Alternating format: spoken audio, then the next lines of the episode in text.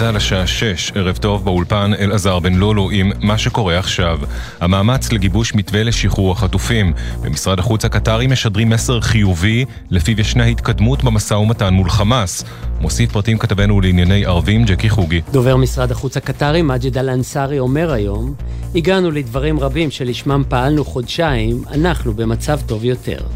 בזמן הזה הנייה ואנשיו נמצאים בקהיר ודנים עם המצרים בהצעה שעל הפרק. בתוך כמה ימים צפויה חמאס לתת את תשובתה הסופית, אם גם סנוואר ואנשיו ברצועה יגידו כן. בתוך כך, בפגישה שקיים היום ראש הממשלה נתניהו עם נציגי משפחות החטופים, התייחס למשא ומתן ואמר, אנחנו עושים כל מאמץ. מוקדם להגיד איך הוא יתקדם, אבל זהו מאמץ שמתקיים בשעות אלה ממש. ככל שהמאמץ הזה מקבל פומביות ומתרחק, ככל שנשמר בדיסקרטיות, יש לו סיכויים גדולים להצליח. כך ראש הממשלה מדבריו הביא כתבנו הפוליטי יובל שגב. וברקע המגעים מזכיר המדינה האמריקני אנטוני בלינקן צפוי להגיע בימים הקרובים לביקור נוסף במזרח התיכון. זה יהיה ביקורו החמישי של בלינקן באזור מאז תחילת המערכה. המתיחות בצפון, טיל נגד טנקים ששוגר מלבנון פגע בבית במטולה. נזק נגרם למבנה, אין נפגעים בגוף, כך מעדכן כתבנו בצפון הדר גיציס. בתגובה חיל האוויר תוקף בדרום לבנון שורת מבנים של חיזבאללה. ובדרום כלי טיס ישראלי תקף ברפיח מכונית בשכונת מיראז' וגרם על פי דיווחים זרים למותם של ארבעה בני אדם. כתבנו הצבאי דורון קדוש מעדכן כי בין ההרוגים גם חלפן כספים בכיר בג'יהאד האיסלאמי. יושב ראש ארגון הבריאות העולמי מזהיר כי הפסקת המימון לסוכנות הסעד אונר"א תגרור תוצאות הרות גורל על האוכלוסייה בעזה. לאף גורם אחר אין את היכולת לספק את היקף הסיוע שמיליוני אנשים בעזה זקוקים לו בדחיפות, אמר. בנוסף, ביקש לשקול מחדש את ההחלטה של מדינות שונות להפסיק את המימון לסוכנות בעקבות ההאשמות שכמה מעובדי אונר"א השתתפו באירועי 7 באוקטובר. ידיעה שהעביר כתבנו יוני זילברמן. מחיר המלחמה, פורום הכלכלנים מזהיר, ההוצאות הביטחוניות צפויות לגדול משמעותית בשנים הקרובות, וקורא להקמת ועדה מקצועית שתכלול מומחים המייצגים את כלל צרכי המשק.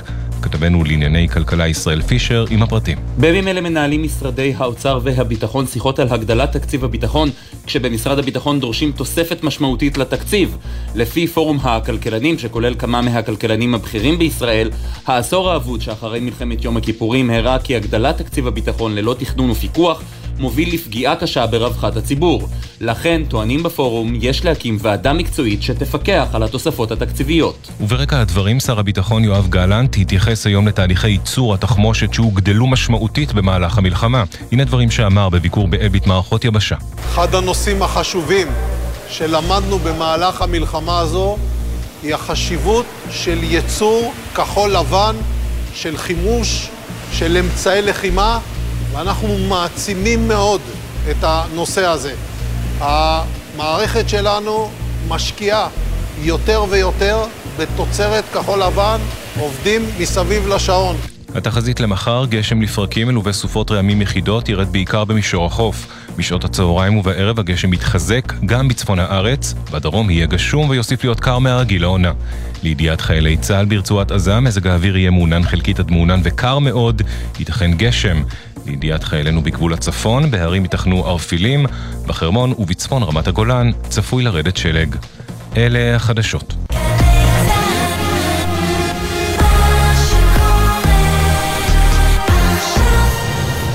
בחסות מאיר, המזמינה על ימי מכירות של מותגי הרכב השוודיים, פולסטאר, לינקן קור ווולבו, 4 עד 9 בפברואר. גם וולבו EX30 החשמלית תהיה שם, פרטים באתר.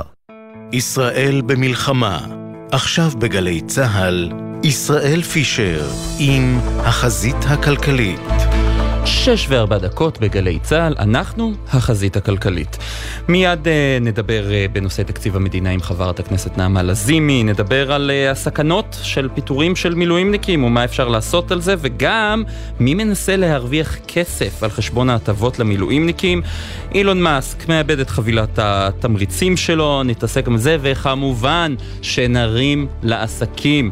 אם אתם רוצים שנרים גם לעסק שלכם מהצפון, מהדרום, אתם הם עסק של מילואימניקים, glz.כלכלית שטרודל gmail.com glz כרוכית כלכלית שטרודל gmail.com אנחנו קוראים, אנחנו מגיבים, אתם מוזמנים גם להגיב על כל מה שאתם שומעים כאן עכשיו בתוכנית, אבל לפני הכל אני רוצה לפתוח בדוח עם כותרת מאוד משעממת, אבל עם חשיבות עצומה.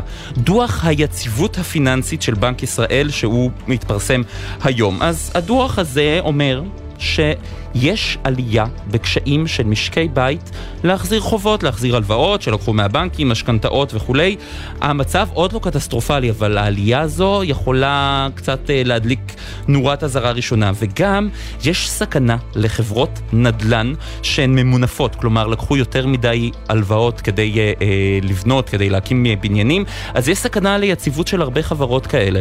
וכשמדברים על שוק הנדל"ן, ומדברים על כך שיש ירידה בהתחלות הבנייה, והצורך בהמשך הבנייה גם בתקופה הזו, למרות הירידה בכוח האדם הזמין, אנחנו מסתכלים על שוק שמיד אחרי המלחמה עלול להיות בעייתי מאוד.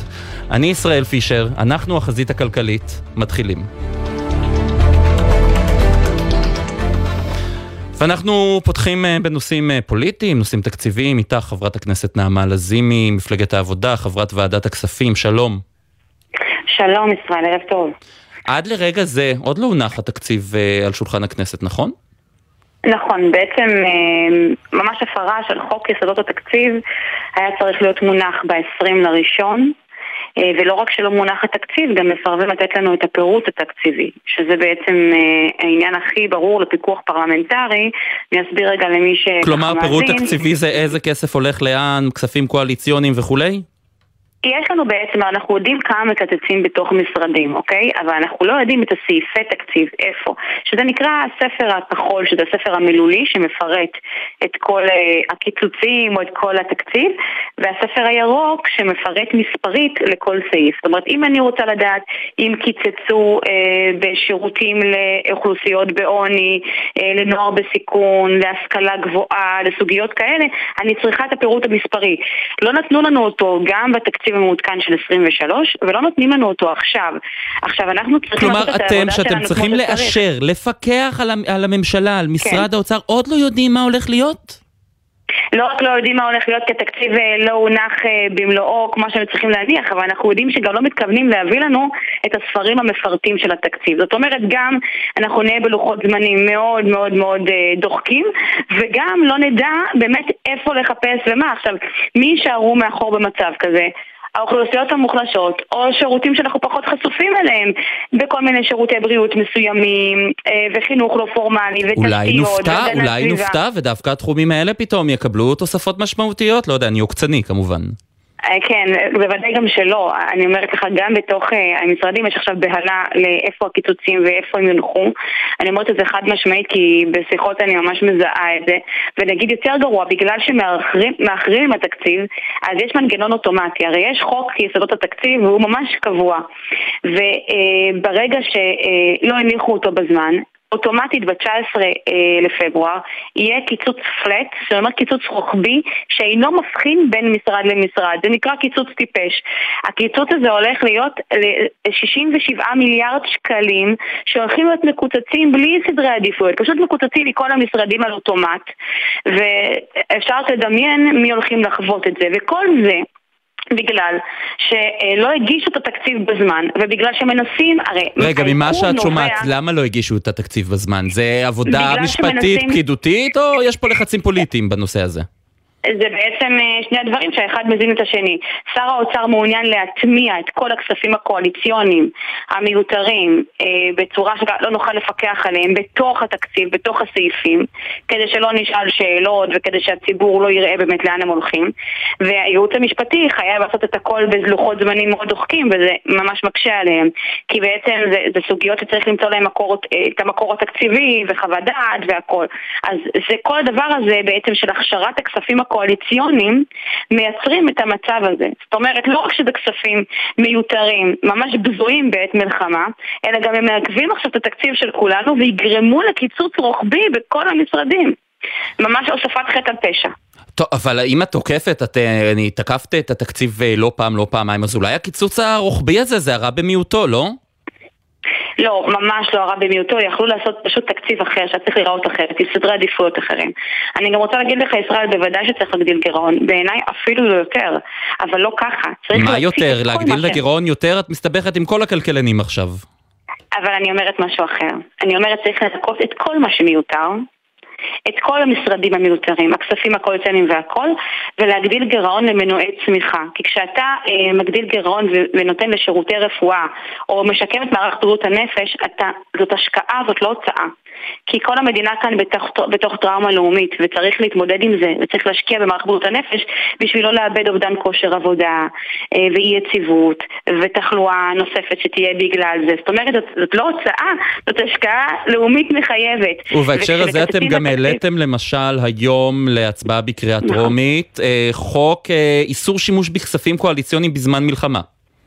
נכון, שבעצם החוק הזה אומר שברגע שיש מצב חירום, הכספים הקואליציוניים מוקפאים במיידי, והם עוברים דרך ועדה מתכללת שאומרת אה, מה שמיותר אין דבר כזה, מלחמה, ודברים חיוניים, כי לפעמים יש בתוך הכספים הקואליציוניים דברים חיוניים, אז זה באישור אה, מיוחד ויכול לעבור אה, לוועדה לאישור.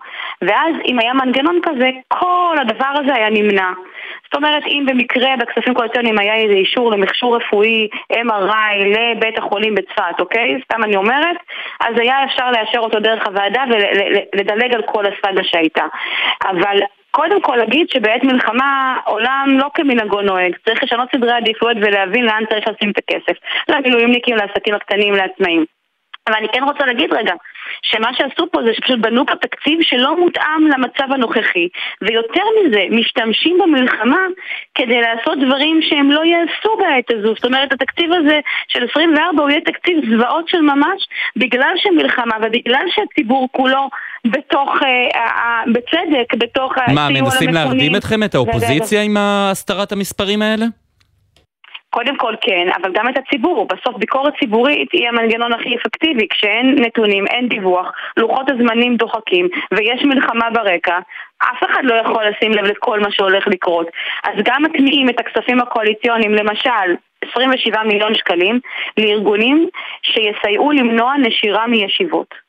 מה זה אומר למנוע ישירה מישיבות? כן, שמענו את זה במסיבת העיתונאים של אה, ראש הממשלה כן, בסוף השבוע, כשהוא תקף את יובל שדה, כתב כלכליסט שחזר ממילואים. תגידי, הגיוני, הגיוני עכשיו בעת מלחמה אה, לעודד השתמטות ואי יציאה לשוק העבודה, לפגוע במשק? זה לא נתפס, אבל הנה למשל, כספים ממש מיותרים, שרוצים ממש להסדיר אותם קואליציונית בתוך התקציב, ושלא נשים לב ולא נראה, אבל... טוב, אבל 27 מיליון שקלים זה... מה, זה כסף קטן לעומת התקציב העצום.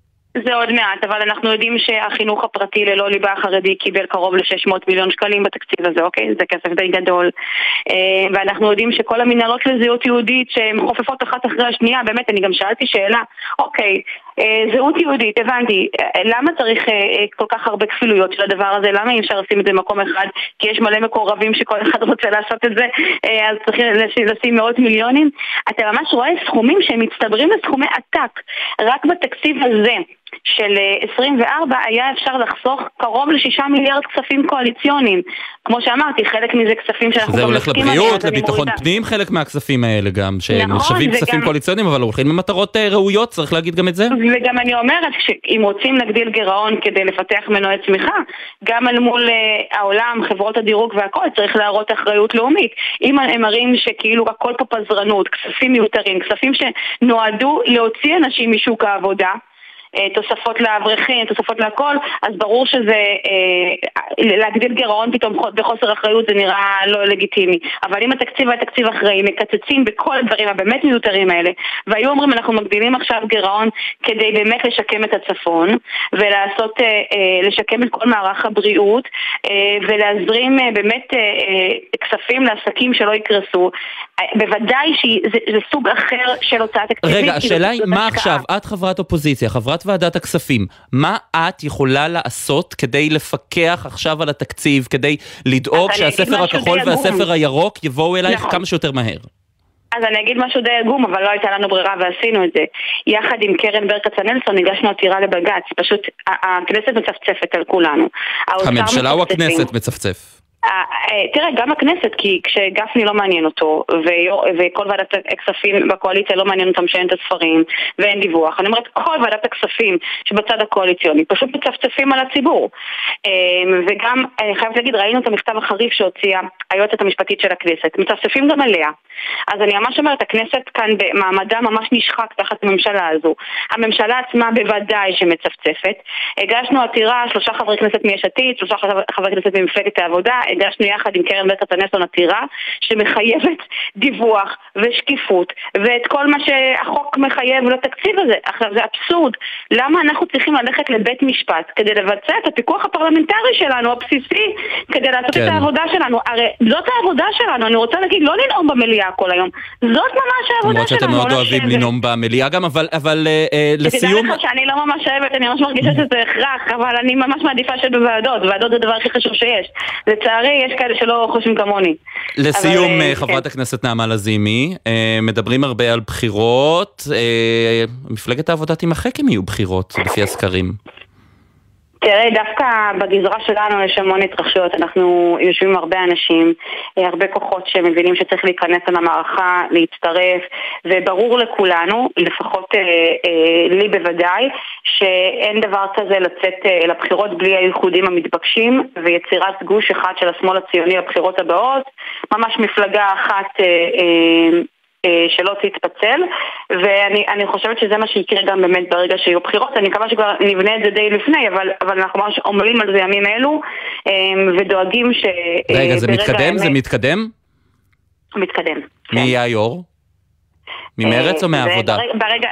ברגע שיהיו לוחות זמנים, אה, יהיו מועמדים. אני אגיד שלא מעט מתעניינים, אז אה, כנראה שיהיו בחירות דמוקרטיות אה, לעילה, אבל אתה יודע, קודם כל צריך לוחות זמנים וגם אה, אה, להיכנס לתוך אה, הדבר הזה, אבל זה מחייב אותנו חד משמעית כדי אה, לא לייצר את המצב שקרה בפעם הקודמת וראינו כמה זה מסוכן. וגם באמת להגיד, אה, אלטרנטיבות אה, לא פעם הרבה יותר גרועות מהמצב אה, אה, הנוכחי. כן. אני אומרת לכל אנשי ממשלת השינוי, ראינו את זה ממש. האלטרנטיבה אכן הייתה אסונית. חברת... אה, ואני מאוד מקווה ש, שגם התיקון גם עלינו, ממש ממש ככה. חברת הכנסת נעמה לזימי, מפלגת העבודה, תודה רבה. תודה רבה, ישראל. תודה.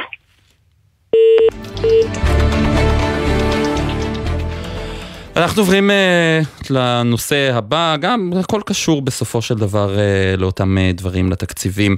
Uh, ראשי הארגונים העסקיים ועמותות אנשי מילואים מתריעים, המדיניות הממשלתית של אי תשלום עלויות שכר למילואימניקים תפגע בסופו של דבר במילואימניקים. רון תומר, נשיא התאחדות uh, התעשיינים וראש נשיאות המעסיקים והעסקים, שלום, ערב טוב. ערב טוב ישראל. מה זה אומר? מה, מה, מה הכוונה באי תשלום אה, כל אה, רכיבי השכר, עלויות השכר אה, שהם יפגעו במילואימניקים בסופו של דבר? בוא, בוא נתחיל במובן מאליו. כולנו מבינים, יודעים ו- ומודים לחיילי המילואים ויודעים מה חשיבותם ותרומתם ועושים הכל כדי שיהיה להם רק טוב אה, כשיחזרו חזרה לאזרחות, לחיי היום-יום כמובן. עם זאת, אנחנו שומעים יותר ויותר קולות של אנשי עסקים שהעסקים גם ככה מדשדשים היום בגלל מצב כלכלי לא טוב, שמבינים בעצם שהמדינה היום לא משפה אותם באופן מלא על השכר של אנשי המילואים, מה שגורם לחבות של אלפי שקלים פר מילואים. כלומר, רגע, רגע, בוא, בוא ננסה לפשט את זה. לא משפה אותם באופן מלא, אני עובד, נגיד, היא, בחברה היא מסוימת. רק על, רק על השכר. נכון, היא משפה רק על השכר ברוטו שלך, היא לא משפה על כל ההצעות הסוציאליות. הפרשות פנסיה, ביטוח בריאות וכולי. ימי חופש. ימי חופש, ימי הבראה וכל הדברים האלה שמצטברים בערך לבין 26 ל-36 אחוז מהשכר שלך. וזאת אומרת שאם אתה מרוויח עשרת אלפים שקל המעסיק בממוצע משלם עוד שלושת אלפים שקל על כל חודש שאתה במילואים. עכשיו זה, זה כמובן לא נתפס ברמה המוסרית מכיוון שהמדינה לקחה את חייל המילואים ואנחנו כמובן מכבדים את הרצון שלה ואת הצורך של צבא ההגנה לישראל אבל היא חייבת לשלם עליו על מלא, לא חלקית. וכרגע זה מזה הרבה שנים אבל מה שקרה פתאום שאנחנו לראשונה בשנה זו מגיעים לכמות ימי מילואים שלא הייתה כדוגמתה. אפשר לומר שמאוקטובר ימי המילואים בחשבון גס שעשינו עד עכשיו, סוף ינואר, עולה על כל ימי המילואים במצטבר שהעובדים במשק עשו בעשור האחרון.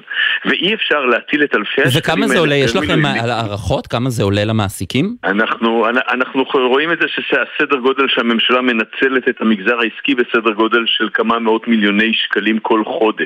אנחנו כבר בארבעה חודשים בתוך האירוע, זאת אומרת עברנו את ה... לטעמי עברנו את ה... או מתקרבים למיליארד שקלים. אבל הנקודה היא כזאת, זה לא רק מה שהיה, זה גם מה שיהיה. אנחנו מתחילים ועוברים למציאות ביטחונית חדשה. כולנו יודעים שמה שהיה או לא מה שיהיה. אם פעם היינו נקראים לשירות תעסוקתי או אימון אה, של שבוע, פעם בשנה או פעם בשנתיים, זה לא הולך להיות המפת דרכים קדימה. אנשים יעשו הרבה יותר מילואים וזה בסדר. אנחנו חיים במזרח התיכון, מבינים את הצורך ותומכים באנשי המילואים ותומכים בכל. עכשיו, ממשלת ישראל לא נותנת כלום. כתוצאה מלחץ שלנו הם נכנסו למשא ומתן. היו מוכנים לתת רק 20 אחוז כהשתתפות בהוצאות סוציאליות. בוא, השמיכה, השמיכה אה, קצרה, אי אפשר אה, לכסות את הכל אה, בתקציב הבא, גם יש עוד הרבה מאוד צרכים. אני, אני, אני מסכים שהשמיכה קצרה ולא מספיקה לכל, אבל אני חושב שלמשל מול עשרה משרדי ממשלה מיותרים שהיו מכסים את זה באבו אבו והרבה יותר, זה ברור שזה בעדיפות נמוכה יותר. עכשיו, מה אתה בא ואומר לי בעצם? לקחתי לך את האיש מילואים אליי, זה בסדר, קיבלתי הכל, אבל אתה תשתתף בתשלום שצה"ל משתמש בו. עכשיו תזכור, העסקים בישראל לא נמצאים היום בתקופה תקופת פריחה. הכל מתייקר להם, מתייקר הדלק, מתייקר החשמל, מתייקרת הארנונה, הם בעצמם מייקרים מוצרים, צריך להגיד. ואני אומר עוד פעם, בסופו של יום צריך לזכור גם שהמצב הכלכלי הולך ומידרדר. עכשיו, אני, אני כמובן קורא לכולם לכבד את המילואימניק ולעזור להם, אבל עלול להיות מצב, ודרך אגב, לדאגה שלנו זה לא מגיע רק מאיתנו, אנשי העסקים, התאחדות התעשיינים, לשכות המסחר, איגוד קבלני הארץ, התאחדות בוני הארץ, אלא גם מעמותת אנשי המילואים, גם הם מפחדים. אומרים לי אנשי המילואים בעצמם, שמייצגים את אנשי המילואים, אנחנו מפחדים מה שנקרא מפיטורים שקטים. אף אחד לא יבוא ויגיד למילואימניק, אסור הרי לפטר מילואימניק. מילואימניקים. לא, לא, אסור לפטר מילואימניק כשהוא חוזר ממילואים, אבל אתה יודע, בעוד חצי שנה, בעוד שנה, בעוד שלושה חודשים, העסקים יפטרו אנשים. ואנחנו לא רוצים שיהיה שיקול שהוא שיקול רע, הוא שיקול אפילו נורא אם תשאל אותי, שבן אדם יבוא ויחשוב לפטר את אותו מילואימניק בגלל שהוא מבינים שלא רק יכירו לו למילואים ב- לקראת סוף השנה שוב או בשנה הבאה, אלא זה יעלה לעסק שמדמם גם ככה אלפי שקלים בחודש. כל מה שאנחנו מבקשים זה הוגנות מהממשלה, שהממשלה הזאת שעושה הרבה דברים לא הוגנים כלפי המגזר העסקי, לפחות תבוא ותגיד, לקחנו את המילואימניק, זה בסדר, אנחנו מבינים שגרמנו לכם בעיה תפעולית, אנחנו מוותרים על זה בעבר, אנחנו משלמים לכם על מלא את כל ההוצאות שלו. זה הרי לא נתפס על הדעת. תראה, אני חושב שאני חי במדינה שזה המינימום המוסרי, הבסיסי, וכל מי שיתפשר... מי שותף איתכם? מי שותף עם התאחדות התעשיינים, למשל, במכתב הזה בדאגה? הזכרתי קודם, בנשיאות המעסיקים שותפים איתנו איגוד לשכות המסחר והתאחדות בוני הארץ, התאחדות הקבלנים כמו שנקראת בשמה, ודרך אגב, לצד הזה שותפים איתנו עמותת משרתי המילואים שמבינים שאם אנשי המעסיקים לא ישופו באופן מלא, אנשי המילואים ייפגעו. הייתם לא למשל בקשר עם ההסתדרות בנושא הזה? להגיד אה, את אה, המעסיקים, נשיאות המעסיקים וההסתדרות באותו משפט, כן, אני יודע שזה מוזר, אבל הייתם איתם בקשר אה, בנושא הזה? אני, אני, אני, בוא נגיד ככה, אנחנו בקשר עם ההסתדרות הלאומית שהיא שותפה נאמנה שלנו והיא יוצאת גם לממשלה וקוראת הפוך. ההסתדרות הכללית לצערי, אנחנו לא בקשר איתה, יש שם כל מיני אירועים פוליטיים שאני לא אערב אותך כרגע, אבל... לא, דווקא האירועים הפוליטיים זה מה שמעניין, רון. אני, אני מסכים, אבל אני חשוב שאנחנו עוסקים באנשי המילואים עכשיו ובחיים עצמם, ואנחנו עוסקים עכשיו בנושא של אותם... אה, החזית הכלכלית, לא החיים עצמם, שינינו את השם, כן? אתה, לא, אתה, לא, לא, כן, התכוונתי לחיים עצמם שלנו, של היום-יום, כן. לא התכוונתי לתוכנית, אני זוכר את המותג. אה, אבל אני אומר, זה לא זה, אנחנו עוסקים עכשיו בדברים האמיתיים הכואבים ולא בפוליטיקה, ועובדה היא שההסתדרות הלאומית הולכת איתנו במאבק באופן מלא, דרך אגב, היא מייצגת כ-40% מהעובדים בסקטור הפרטי, ולכן אני חושב, הקול שלה מספיק. אני כמובן הייתי שמח שגם ההסתדרות הכללית תצטרף לזה ותדרוש פיצוי על מלא, כי בסוף הפיצוי הזה, אם יהיה רע למעסיקים, יהיה רע לעובדים. ולכן אני חושב כן. שזה צודק. וממשלה שתעשה את הצעד הלא מוסרי, ולא תהיה מוכנה לשלם או כלום, או תהיה מוכנה לשלם חלק, זו בעיה. עכשיו אני אגיד לך, אפרופו שיחתך עם המרואיינת הקודמת, בהחלטת... חברת הכנסת נעמה לזימי. אז נעמה לזימי, לא זיהיתי את הכל. כן. אה, בדיון, בתקציב של האוצר, קצת המחליטים, מופיע שם סכום מסוים, אבל מראש אומר האוצר, זה יהיה פיצוי חלקי, כמו שאמרתי לך, שניסו לשכנע אותנו להסכים רק ל-20%. למה? אתה לקחת את חייל המילואים ממני כמעסיק, למה אתה רוצה שאני אשלם חלק ושוב, מההוצאות בגינו בתקופה שהוא לא עובד? ושוב בולט הנושא המרכזי, הכל עניין של סדר עדיפויות. רון תומר, נשיא התאחדות התעשיינים. חיילי המילואים הם בעדיפות ראשונה, העסקים בעדיפות שנייה. וכל שאר הבזבוזים, הפוליטיקה והדברים האחרים צריכים להיות בתחתית העדיפות. וידעו כולם שאם זה לא המצב, יש לנו כמדינה בעיה הרבה מעבר לבעיה הביטחונית. רון תומר, נשיא התאחדות התעשיינים, תודה רבה. תודה ישראל. אתם יודעים, אה, מבטיחים למילואימניקים הרבה מאוד אה, הטבות, נותנים להם, זה בהמשך לשיחה הקודמת, נכון, מדובר בהטבות חלקיות, ונכון שכל מה שקשור לפיצוי ושיפוי של מעסיקים רחוק מסגירה, אבל גם יש מי שמנסה להרוויח כסף על חשבון אותן הטבות למילואימניקים. ירדן בן גל הירשורן, דה מרקר, שלום, ערב טוב. שלום שלום ישראל, ערב טוב. עמיתתי, אנחנו מכירים הרבה שנים צריך להגיד, אה, אז תגידי, כן, מי מנסה... ההיסטוריה. כן, ההיסטוריה. אז מי באמת מנסה להרוויח כסף על חשבון ההטבות למילואימניקים? את אה, כתבת על זה היום בדה מרקר? היה היום, אתמול בעצם המילואימניקים קיבלו אה, בשגרת הוואטסאפים שככה חורכים את, ה, את הקבוצות וואטסאפ, בעצם הם קיבלו איזשהו לינק לאיזושהי הטבה שנקראת זוג ברזל בואו uh, תיכנסו להטבה שלנו, תקבלו uh, סדנאות זוגיות כאלה ואחרות, תכף נלאה באיזה סדנאות זוגיות, ותקבלו הכל על חשבון המדינה וגם כמובן ארוחת, uh, ארוחה זוגית. עכשיו אנשים יסתכלו, זה רץ uh, כמו, uh, כמובן שזה עבר מ... מ מקבוצה לקבוצה במהירות, כי אנשים ככה תהו האם זה באמת קיים, לא קיים. ואת את האתר הזה בעצם גם איתרו כמה לוגויים כאלה מחשידים, גם של חברת ביימי, שכמובן לא קשורה לזה ותכף ניגע בזה, וגם אה, של צה"ל, כלומר האנשים גם, מי שבעצם עומד מאחורי האתר הזה, החליט ככה לשים גם כמה לוגויים. פשוט שם עכשיו, לוגו אה, בלי, בלי לחשוב על כלום, פשוט שם את הלוגו. נכון, שם את הלוגו, והמשיך גם ואמר, זה על חשבון המדינה. איך זה על חשבון המדינה? אתה בטח שואל ישראל. מה שהוא בעצם תיאר להם זה, יש אה, מענק שאמור להגיע למילואימניקים, זה חלק מתוכנית אה, מגויסים למילואים אה, שאושרה בממשלה, שהמענק הזה אמור לתת איזשהו מענה לזוגות שבאמת היו במשק בית חסר כל כך הרבה חודשים, ולייצר להם איזשהו, איזשהו בסיס טיפולי שיוכלו ככה באמת להשתלב ואחרי זה ככה להמשיך את השגרה כרגיל. ומה שקרה בעצם, עזוב, בוא נשים את התקצוב של. של המרכיב הזה של תוכנית המילואים בצד, כי הוא עוד לא קיים. מה שקרה שהבחור אה, אה, שעומד מאחורי זה, אה, בעצם הוא אמר לעצמו, אוקיי, בוא נעשה כזה דבר. נבקש מהם את הכסף אלינו, אני אתן להם קבלה, והם בעצם ילכו עם הקבלה הזאת לקרן הסיוע של משרתי המילואים בצה"ל ויקבלו את ההחזר של ה-1500. ומי מבטיח להם שהם יקבלו את ההחזר הזה בכלל? אף אחד, נכון? אף אחד. עכשיו, אנחנו מנסים להבין מה זה בעצם טיפול זוגי. איך מגדירים טיפול זוגי? נגיד באתר הזה, אצלו הייתה סטנדאפיסטית שעושה ככה אה, ערב אה, זוגי בזום. האם זה נחשב טיפול זוגי? שמקנה 1,500 שקל על חשבון משלם המיסים? אני לא יודעת. השלב הבא זה חשבוניות מנטפליקס. אה, ערב זוגי מול המסך. ערב זוגי נפלא. בדיוק ככה. אז אנחנו מנסים להבין על, על בעצם איך בעצם צה"ל הולך לעמוד מאחורי הדבר הזה ולמנוע כאלה כאלה כל מיני, אתה יודע, חבילות כאלה שאנשים יתפרו, מספיק שסופר אומר בואו תקנו יין וזה יהיה טיפול זוגי, כן? אה, אז צריך להבין באמת איך בעצם אה, הולכים לאכוף את זה בצה"ל, אה, את זה אנחנו עדיין לא יודעים. מצד שני, התקציב למרכיב הזה עדיין לא עבר, כלומר, הבן אדם כבר העלה את האתר בלי שיש עדיין כיסוי לדבר. כלומר זה ממש עוקץ, ממש עוקץ פוטנציאלי. תראה, קשה לי להגיד שזה עוקץ, כי אנחנו, אנחנו לא, אה, זה, זה נראה כמו עוקץ, כן? על פניו זה נראה.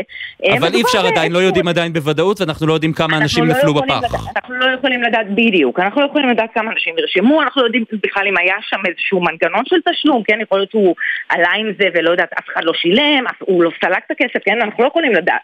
אם uh, מדובר בעוקץ. אבל בגדול האתר כמובן ירד, וזה זה לקח זמן, בהתחלה הוא רק הוריד את הלוגוים המחשידים, אחרי זה הוא התחיל... הוא הגיב לכם לנושא הזה? אני פניתי אליו, והוא לא ממש, הוא לא ממש שיתף פעולה, כלומר, ניסיתי להבין האם, האם האנשים שבעצם...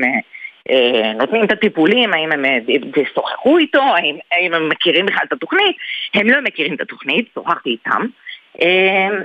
ובגדול זה, זה, זה האירוע, כלומר הוא לא הסכים לענות מאיפה התקציב, האם זה באמת תוכנית שקיימת. מאוד מאוד מדהים. מאוד אה, מחשיד. כן. ירדן בן גל הירשון, אה, תודה רבה. ועוד, מה- ממה שאת אומרת, זה אומר פשוט שימו לב, תסתכלו. ממש, גם צריך כן. להבין, מילואימניקים היום חשופים לוואטסאפים בגלל כל ה...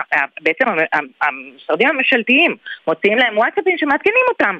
זה המענק הזה נכנס לתוקף, המענק הזה, אז הם רגילים לזה, מתורגלים לזה, ואז פתאום כשהם רואים וואטסאפ כזה, שלא כתוב שם שזה, שזה משהו מסחרי, כן?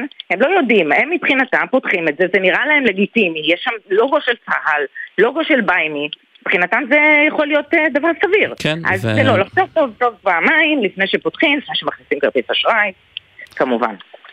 כן, כמובן, כמובן אה, שחייבים אה. לשים לב לזה. ירדן אה, בן גל הירשון מדה מרקר, תודה רבה לך על הדברים האלה. תודה.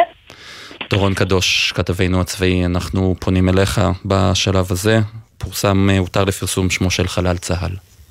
נכון, ישראל, שמו של חלל צה"ל נוסף, שהותר לפרסום ממש במהלך הדקות האחרונות, לאחר שהודעה נמסרה לבני משפחתו. רב סרן במילואים יצהר הופמן, בן 36, מאשחר, מפקד פלגה ביחידת שלדג, שנפל בקרב בצפון רצועת עזה. רב סרן במילואים יצהר הופמן, זיכרונו לברכה, נפל בהיתקלות עם מחבלים בצפון רצועת עזה במהלך ההתקפה של צה"ל שהולכת ומתגברת באזור הזה של צפון הרצועה ובכך עולה מניין חללי צה"ל מתחילת התמרון הקרקעי ל-224 וזאת ישראל נזכיר אחרי שהיום הובאו למנוחות שלושה לוחמי מילואים נוספים שנפלו ביממה האחרונה גם הם בקרבות ברצועה. דורון קדוש, תודה רבה. תודה. רק אה, נחזור על הפרטים, רב סרן במילואים יצהר הופמן, בן 36 מאשחר, מפקד פלגה ביחידת שלדג, נפל בקרב בצפ... בצפון רצועת עזה. יהי זכרו ברוך. אנחנו נצא עכשיו אה, לכמה הודעות ומיד נחזור. אתם מאזינים לגלי צה"ל. חיילי המילואים וחיילות המילואים. אתם התגייסתם בשבילנו. עכשיו אנחנו מתגייסים בשבילכם. משרד הביטחון, צה"ל ומשרד האוצר גיבשו למענכם תוכנית הכוללת מענקים והטבות לחיילי המילואים ולבני משפחותיהם. אתם רוצים לדעת למה אתם זכאים? היכנסו לאתר המילואים ברשת. מגישים משרד הביטחון ומשרד האוצר. שישי בערב, נרות השבת כבר דולקים, מפה לבנה פרוסה על השולחן, הסעודה מוכנה, אבל מאות כיסאות ברחבי הארץ נשארים רכים עד לשובם של החטופים הביתה. גלי צה"ל מקדישה שעה בכל ליל שבת לסיפורים האישיים של החטופים, השירים שהם אוהבים וההקלטות בקולם, כאילו היו פה איתנו. התשמע קולי, שישי, שבע בערב, גלי צה"ל. תודה לכמיליון ושמונה מאות אלף המאזינים והמאזינות שבוחרים בתחנות גלי צה"ל וגלגלצ בכל יום מחדש, והופכים אותנו לתחנות הרדיו המואזנות בישראל. מוזיקה זה...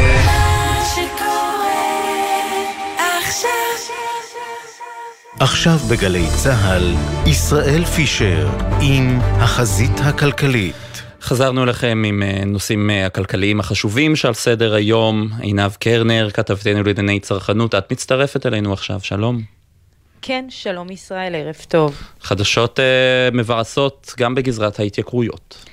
נכון מאוד, חדשות שכבר uh, היו כתובות על הקיר, ראינו את זה עם uh, עליית העלאת המחירים, בעצם ההודעה של שסטוביץ' uh, על העלאת מחירים בשיעור של עד 20 אחוז, שתיכנס לתוקף כבר מחר עם uh, שטראוס ויוניליבר, uh, שלוש uh, חברות טואלטיקה ומזון גדולות מאוד שמעלות מחר מחירים, והיום התבשרנו על עוד חברה גדולה, גם יצרנית, גם יבואנית, uh, יוניליבר, שגם היא מצטרפת לה... העלאות המחירים.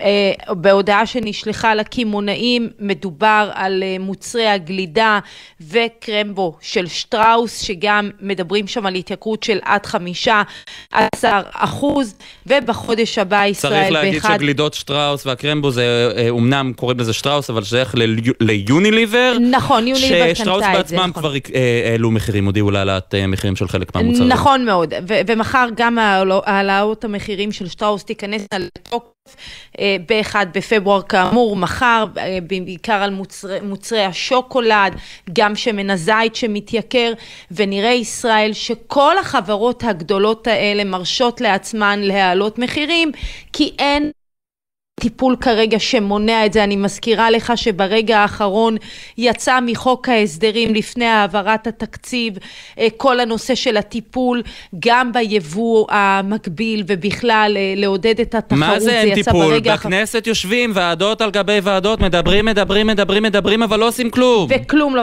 נכון מאוד, ולכן זה מה שנותן לא, לא, לאותן חברות את, ה, אה, את, את, את, את הרוח הגבית הזאת, כן להרשות לעצמן להעלות מחירים. אני מזכירה לך ישראל שאנחנו גם במהלך של חקירה של רשות התחרות כבר כמעט אה, שנתיים אה, בחשד לתיאום מחירים ועל אף החקירה הזאת עדיין החברות אה, מרשות לעצמם אבל כנראה שאין עין בוחנת אז הן יכולות להרשות וגם הציבור כמו שאנחנו רואים כרגע הקשב שלו לא ממש נמצא ביוקר המחיה מבחינת, ברור שהוא חש את, ה, את הקושי הקשה. לכן אנחנו הקשה. כאן, להזכיר את זה. עינב, רק נזכיר ואני, גם... וכן חשוב, משפט אחד בישראל שכן חשוב, זו, זו אינה גזירת גורל, וכן חשוב שתדעו, הצרכנים והמאזינים שלנו, לכל דבר יש תחליף. זה נכון שכשאנחנו הולכים לסופרים ולמרכולים, אנחנו נראה בדרך כלל את המוצרים של הרשתות, של היבואנים והספקים המוכרים. מוכרים,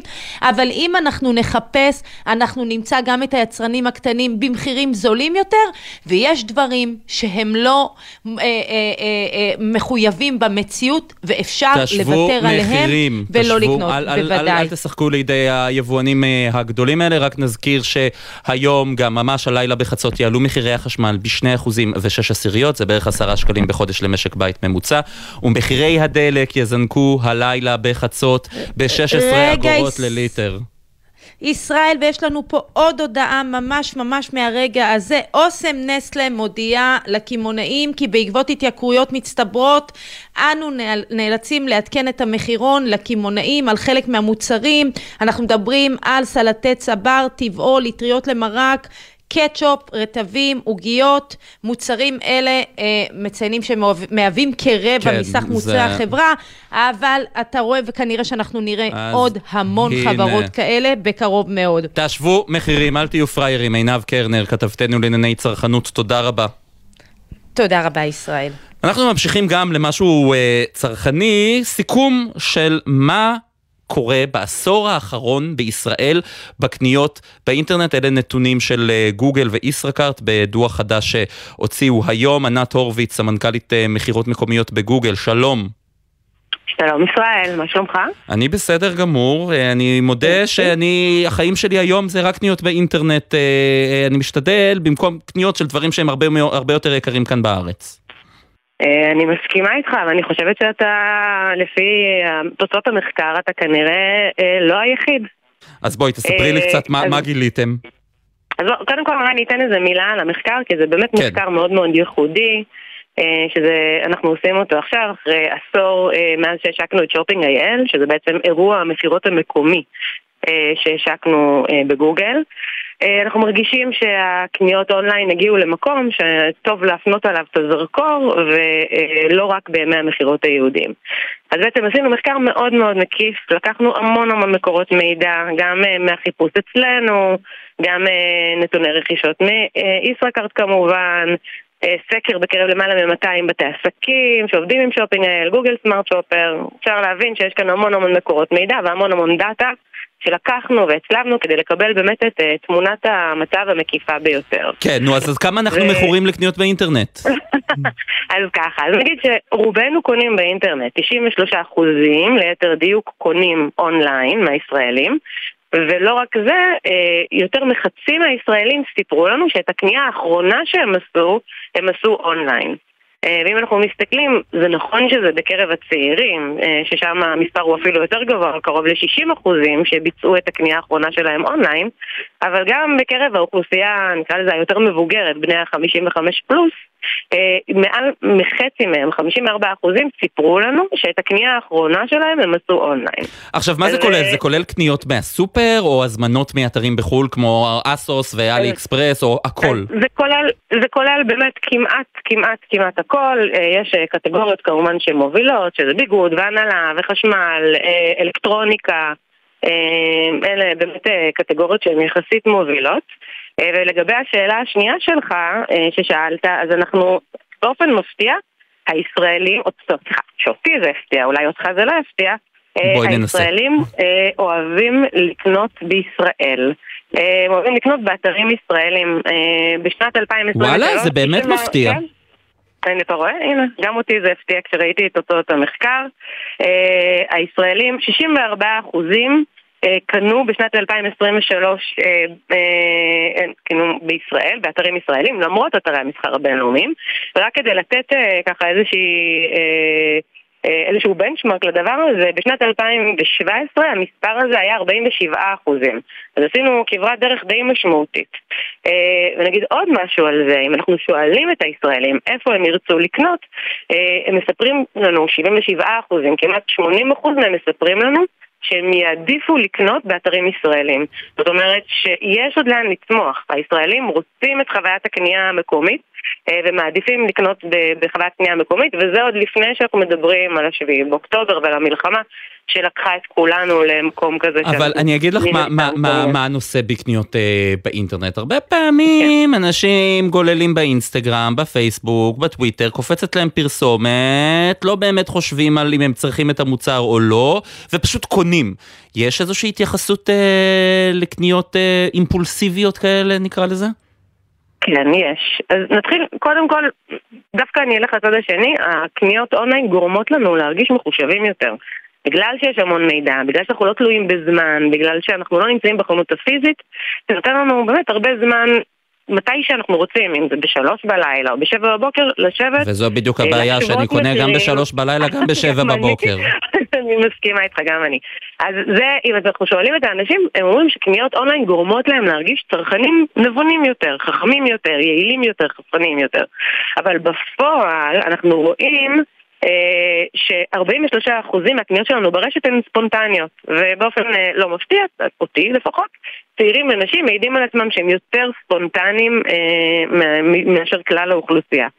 אה, אתה שאלת על פרסום, אז אה, כ-70% מאיתנו אומרים שאנחנו מאוד מושפעים מפרסום וממבצעים, וכ-40% מספרים שהרבה פעמים מגיעים בסוף לעגלת הקניות ויש בה לפחות מוצר אחד יותר מהמוצר שאותו הם תכננו לרכוש מלכתחילה. אה, כלומר, אם אנחנו הולכים כן. לסופר, אז אנחנו רואים משהו על המדף, ואופס, נכון, קנינו משהו נכון, שלא רצינו, נכון, אבל כשאנחנו נכון. קונים אונליין, אנחנו קונים רק את מה שאנחנו רוצים. כן, אה, אתה יודע, לפעמים.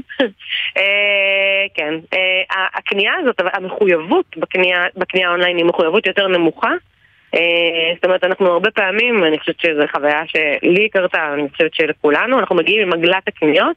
ובסופו של דבר אנחנו נוטשים את עגלת הקניות. אה, באינטרנט, כי לא- בפיזי כן, אנחנו מגיעים לקופה ולא נעים לנו נכון, מהקופאי. זה לא נעים לנו, אבל ככה יש לנו נתון, אנחנו ממלאים עגלת קניות, אנחנו מסתכלים בסוף על המוצרים, אנחנו חושבים האם באמת רצינו אותם, ואנחנו כן. נוטשים את עגלת הקניות. אה, אחד הגורמים המובילים, אם לא הגורם המוביל, זה באמת המחיר. כן. אה, שמעתי קצת את השיחה שלך מקודם, אז כן, המחיר הוא הגורם. המחירים זה מה שחשוב. ענת הורוביץ, כן, כן, סמנכ"לית מכירות מקומיות בגוגל, תודה רבה. תודה רבה לך ישראל. ערב טוב. ביי ביי. ערב מצוין, ביי ביי.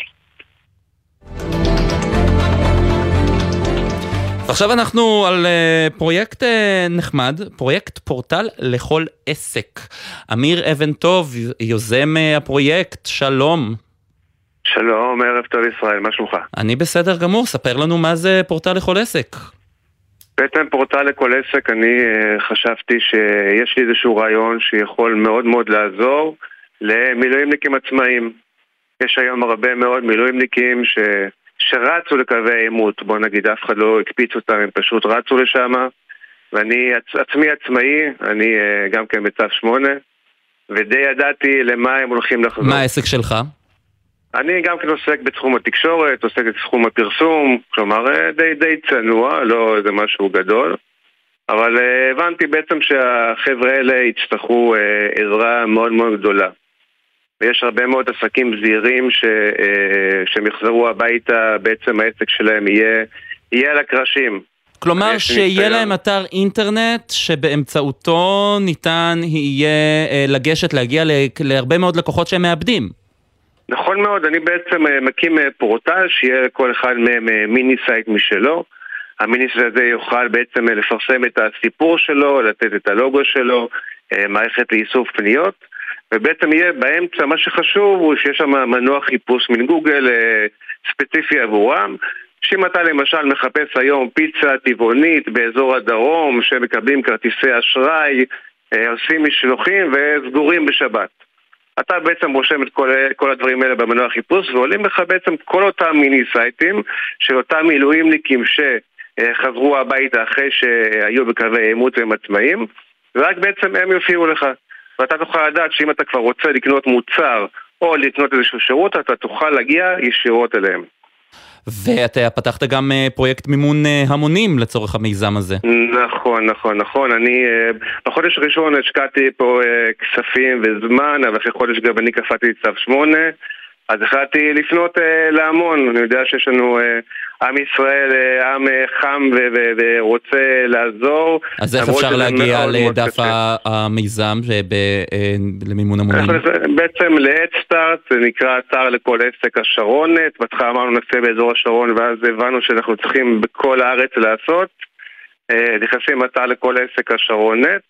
אה, נכנסים ו- ותורמים, ובאמת כל שקל פה חשוב, זה אומנם מאוד צנוע, אבל אה, אה, אפשר לעשות פה דברים ממש מדהימים. ובטח שזה מסייע לאנשי המילואים. אמיר אבן טוב, יוזם פורטל לכל עסק, אתר לכל עסק. אתר לכל עסק, השרונת, בעת סטארט. להיכנס ובאמת כל תמיכה תוכל לעזור לאותם מילואימניקים כי, כי הם, הם, הם, כשהם יחזרו הם יגיעו למקום בעייתי מאוד. אני גם כן הייתי שם, ואני, אתה יודע, אני מדבר ממש מעומק ליבי. החבר'ה האלה צריכים את זה, אנחנו נעזור להם, אנחנו נתמוך בהם, ונרים לעסקים. ונרים נכון לעסקים. אמיר אבן נכון טוב, יוזם הפרויקט אתר לכל עסק השרונת, תודה רבה, ערב טוב. תודה רבה, ישראל. ביי ביי. מטבע חוץ טוב, זו פינה קצת אה, אה, נוסטלגית, אפשר להגיד, שלא שידרנו בתקופת המלחמה, אבל חשוב מאוד לדבר גם על מה שקורה בכלכלה העולמית. אה, והפעם אה, ביודענו אילון מאסק אה, מפסיד אה, כסף, הרבה מאוד כסף. ברק בטש כתב חדשות החוץ, אתה איתנו. כן, שלום ישראל. קודם כל, כן, הרבה זמן אה, באמת אה, לא היינו עם הפינה הזו. אה, אז נדבר על אה, אילון מאסק, שהפסיד אה, כסף. שוב. Uh, הפעם uh, מדובר על חבילת uh, תגמול, uh, חבילת התגמול למעשה הכי uh, נרחבת, הכי uh, גדולה uh, בהיסטוריה. מדובר על uh, יותר מ-55 מיליארד דולר שהיה אמור לקבל אילון מאסק uh, על המניות שלו בחברת טסלה. חבילה שאותה הוא לא יקבל ככל הנראה, אחרי שבית המשפט בדלאוור פסק שמדובר בחבילה שמוענקת בצורה פגומה ביותר ופוגעת בבעלי המניות. Uh, למעשה השופטת טענה ב... בקייס הזה, שהקשרים האישיים של אילון מאסק עם הדירקטוריון שהיה אחראי למעשה על מתן החבילה הזו, הם אלו שהובילו לניפוח החבילה לסכום כזה אה, גדול. אה, נאמר ש... כשהוחלט לבטל למעשה את החבילה הזו, אז אה, אילון מאסק אה, כרגע מוגדר האדם השני העשיר ביותר בעולם. אה, הוא איבד את התואר מהאדם הראשון, האדם השני אחרי ה... בחור, בחור צרפתי שכרגע אין לי את השם שלו, אבל הוא איבד את התואר. נכון, נכון. ורדר ארנו. אה, ולמעשה עכשיו הוא יהיה רק, רק, במרכאות, הבחור השלישי הכי עשיר בעולם. תשמע, אילון מאסק בתקופה האחרונה... צריך להגיד שברנר ארנו, אם כבר הזכרנו את השם שלו, הוא לואי ויטון, וכל נכון. המותגים, אז זה הוא. נכון, ובעצם אילון מאסק בתקופה... בתקופה האחרונה מככב בכותרות, אבל לא, לא, אה, לא לטובה, לא לחיוב. אנחנו זוכרים גם את הפרשה על, על השימוש בסמים שהתפוצצה לאחרונה, אה, שיש איזה מחקר שגילה שאילון מאסק במשך שנים משתמש בסמים וחלקם סמים קשים אה, במהלך אה, התקופה שבה ניהל חברות כמו טסלה וספייסקס וכל אלה. והמשקיעים מודאגים מכך. והמשקיעים מודאגים מכך, כן. וגם חברי ההנהלה באותן החברות, גם הם מאוד מודאגים, זה חלק מהתחקירים, וזה עוד איזושהי, עוד, עוד פרשה של אילון מארק שמתפוצצת, אז עכשיו בעצם... השליטה שלו בחברת טסלה תרד מ-22% לבערך 13%. זה לא המון, זה, זה, זה, זה אבל המון. זה ירידה כן, של המון, זהו, אני אומר, זה, זה לא החזקה של המון, זה ירידה של המון המון המון המון אה, מניות. מדובר על בערך, אה, המספרים עומדים על בערך אה, 550 מיליון מניות. כן, בחברת שזה, טסלה. שזה זה, זה עדיין, זה הרבה מאוד כסף, והנה עובדה שהוא ירד, איבד את התואר האדם הכי עשיר בעולם, נכון. וירד רק למקום השני, רק למקום השלישי, מסכן, לא צריך לדאוג לו ללחם. ההון שלו, תשמע, ההון של, ההון של אה, אילון מאסק אה, עדיין אה, מאוד מאוד גדול ו, ומשמעותי, אבל זה, שוב, פגיעה לא קלה. ב, כן, ברק בית אש כתב חדשות החוץ, תודה רבה. תודה.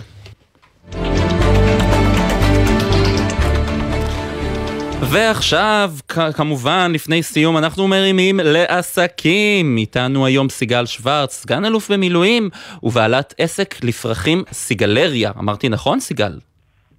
אמרת נכון מאוד, חוץ מהעובדה שהבעלים של העסק זה ניצן, אני רק עובדת אצלו. ומי זה ניצן? ניצן זה הבן האהוב שלי, שנמצא מה-7 באוקטובר במילואים. וזאת הזדמנות באמת להגיד לו ולכל המשרתים ולכל הלוחמים תודה ענקית. וואו, מ-7 אה, באוקטובר הוא רצוף במילואים. מ-7 באוקטובר הוא רצוף במילואים, כן, בגזרת איו"ש, לוחם. כמה יוצא לך לשוחח איתו? אה, טלפונית בערך פעם בשבוע, לראות אותו, ראינו אותו משהו כמו ארבע פעמים בכל התקופה הזו. וואו. כן, כן, באסה, אבל אה, וואו. מבינים את צו השעה. טוב, את כן. היית אשת צבא הרבה מאוד שנים. אני הייתי, ואני גם במילואים עכשיו. את גם במילואים? מה התפקיד שלך אני... במילואים? אני קצינת קשר למשפחות החטופים והנעדרים, וואו. שיקרות לליבנו. וואו, שזו גם כן. בטח עבודה סוחטת אה, רגשית. לגמרי, לגמרי, לגמרי. מהעשרה באוקטובר איתם, אה, ולמרות שעשיתי את הדברים האלה בעבר, עם, uh, בעיקר עם uh, משפחות של חללי צה"ל, זה לא דומה לשום דבר ממה שחווינו. וואו. Uh, כן. אז מה המצב בעסק? ספרי לי קצת על העסק. העסק בעצם זאת גלריה אה, מהממת וייחודית, לא בגלל שהיא שלי, אלא בגלל שאלה הווייבים שאני מקבלת מכל מי שנכנס אליה. אה, יש המון המון שנכנסים רק ככה להיטען אה, וללכת. אה, זה עסק לעיצוב בפרחים. אנחנו uh, מתמחים בעיצוב אירועי קונספט, באירועי בוטיק יפים ומיוחדים. Uh, אבל אתם מצליחים לפתוח את העסק בימים האלה? לא, לא, לא, לא, לא, לא, לצערי הוא מ-7 באוקטובר סגור. אני בחודש האחרון ככה התחלתי קצת להגיע, להשקות את העציצים, להתחיל להחזיר אותו לאיזושהי פעילות. אבל זה לא ממש מתאפשר לי כי אני לא יכולה להתחייב לא לאירועים ולא ללקוחות אה, ולא לדברים אה, ככה שהם אה, נעוצים בלוז בגלל שגם אני במילואים. פניתם אולי לסיוע מהמדינה איכשהו? אם להגיד לך את האמת, לא פתחנו עוד לא שום דבר שקשור לא לפיצויים ולא, בטח לא לסיוע. למה, בגלל חששות או בגלל... אה, אה, לא, לא, לא. אין זמן להתעסק בזה מבחינה בירוקרטית. חודשיים ראשונים אין זמן להתעסק בזה ואין רצון, כאילו מבחינה אה, מנטלית ורגשית זה הרגיש לי איפה אני ואיפה עכשיו להתעסק בעסק ובכספים כשאנחנו כולנו שקועים בתוך הכאוס הזה בעיקר רגשי אבל עכשיו ככל שעובר הזמן והתשלומים אה, משולמים והארנונה משולמת והכל אה, לא חס עלינו, אז אני מבינה שאין שום ברירה אחרת ואנחנו נעשה את זה. אני מאוד מקווה שהמדינה באמת תהיה איתנו ושהיא לא תשכח אותנו. אם יהיו בעיות עם זה, יש לך את המספר טלפון שלנו, את יודעת בדיוק איך אה, נוכל לסייע גם בזה, אבל חוץ מזה, אם אנחנו רוצים לפנות ללקוחות, איך אפשר ליצור איתכם קשר? אפשר ליצור איתי קשר, כי ניצן עכשיו הרבה, כאילו לא זמין. אני יותר זמינה ממנו, אה, ואם צריך אנחנו, אה, אני פה להזמנות מה, במספר הטלפון? ולהזמנות במספר הטלפון מה שלי. מה המספר? אפשר 052 920 3987 052 920 3987 052 920 39 87 כן, אה, סיגל. בול, ואפשר כמובן להיכנס לדף הפייסבוק שלנו ולראות uh, ככה להתרשם ממה שאנחנו סיגלריה. אז בדיוק. הייעוד של העסק זה להפיץ אהבה ולעשות רק טוב, ואני בטוחה שנחזור לזה.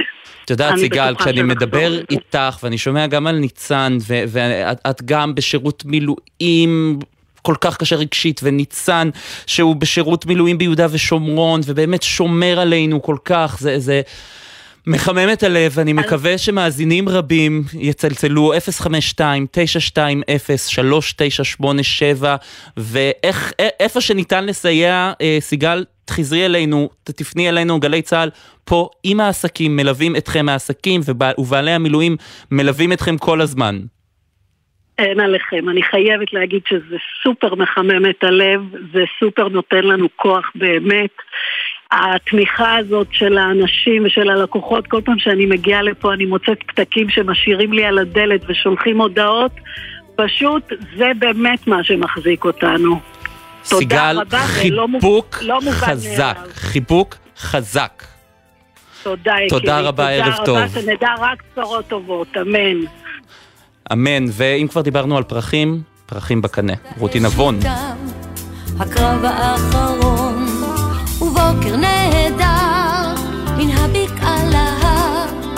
אז יעלה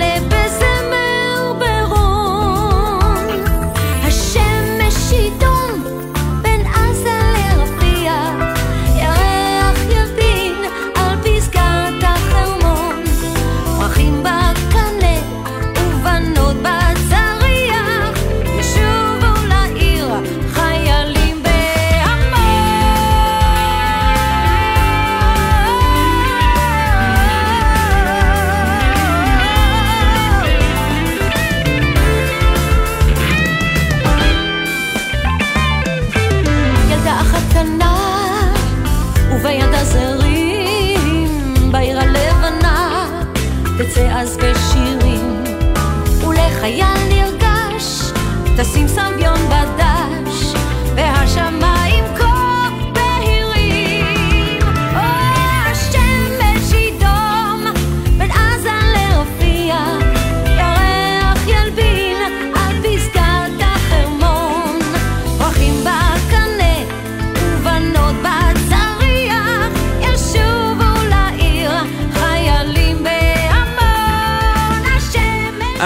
אנחנו מסיימים את החזית הכלכלית להיום. נגיד תודה לטל אור מאירסון שערכה את המשדר בכישרון רב.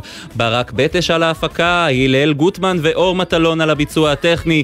בפיקוח אילן גביש, עורך הדיגיטל הוא רן לוי. מיד אחרינו עידן קבלר ומזל מועלם עם המשך העדכונים. אני ישראל פישר, אנחנו החזית הכלכלית. שיהיה ערב טוב ושקט.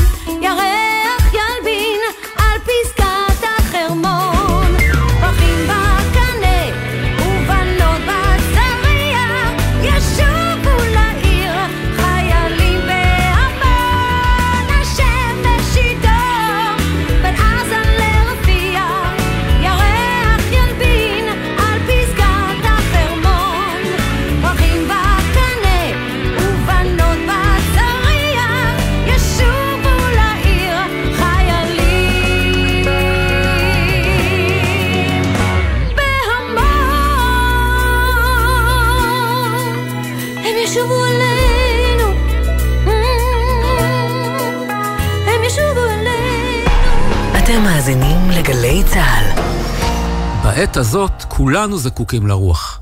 שלום, כניר ברוידה, מנכ"ל בינה, הבית של היהדות הישראלית. אנחנו שמחים להזמינכם להשתתף במגוון הפעילויות שלנו, לשאוב כוח והשראה מהאושר של התרבות היהודית והישראלית. אירועים קהילתיים בבתי בינה ברחבי ארצנו, שנת מצווה קבוצתית, מופעים וסדנאות לבתי הספר במסגרת הגפן, מפגשים והפעלות למשפחות המפונים. בנוסף, מחכים לכם באתר בינה גם ערכות העשרה, מאמרים ומערכי שיעור רבים. נתראה ב... בינה. משרתות המילואים ומשרתי המילואים היקרים, כשאתם מגויסים לחזית, אנחנו בהסתדרות מגויסים למענכם. חייגו גם אם אינכם חברי הסתדרות, למוקד ההסתדרות מגויסים למענכם, למשרתי המילואים ולבני משפחותיהם, וקבלו מעטפת תמיכה וסיוע במגוון תחומים. חייגו כוכבית 2383, ההסתדרות, הבית של משרתי המילואים ומשרתות המילואים בישראל.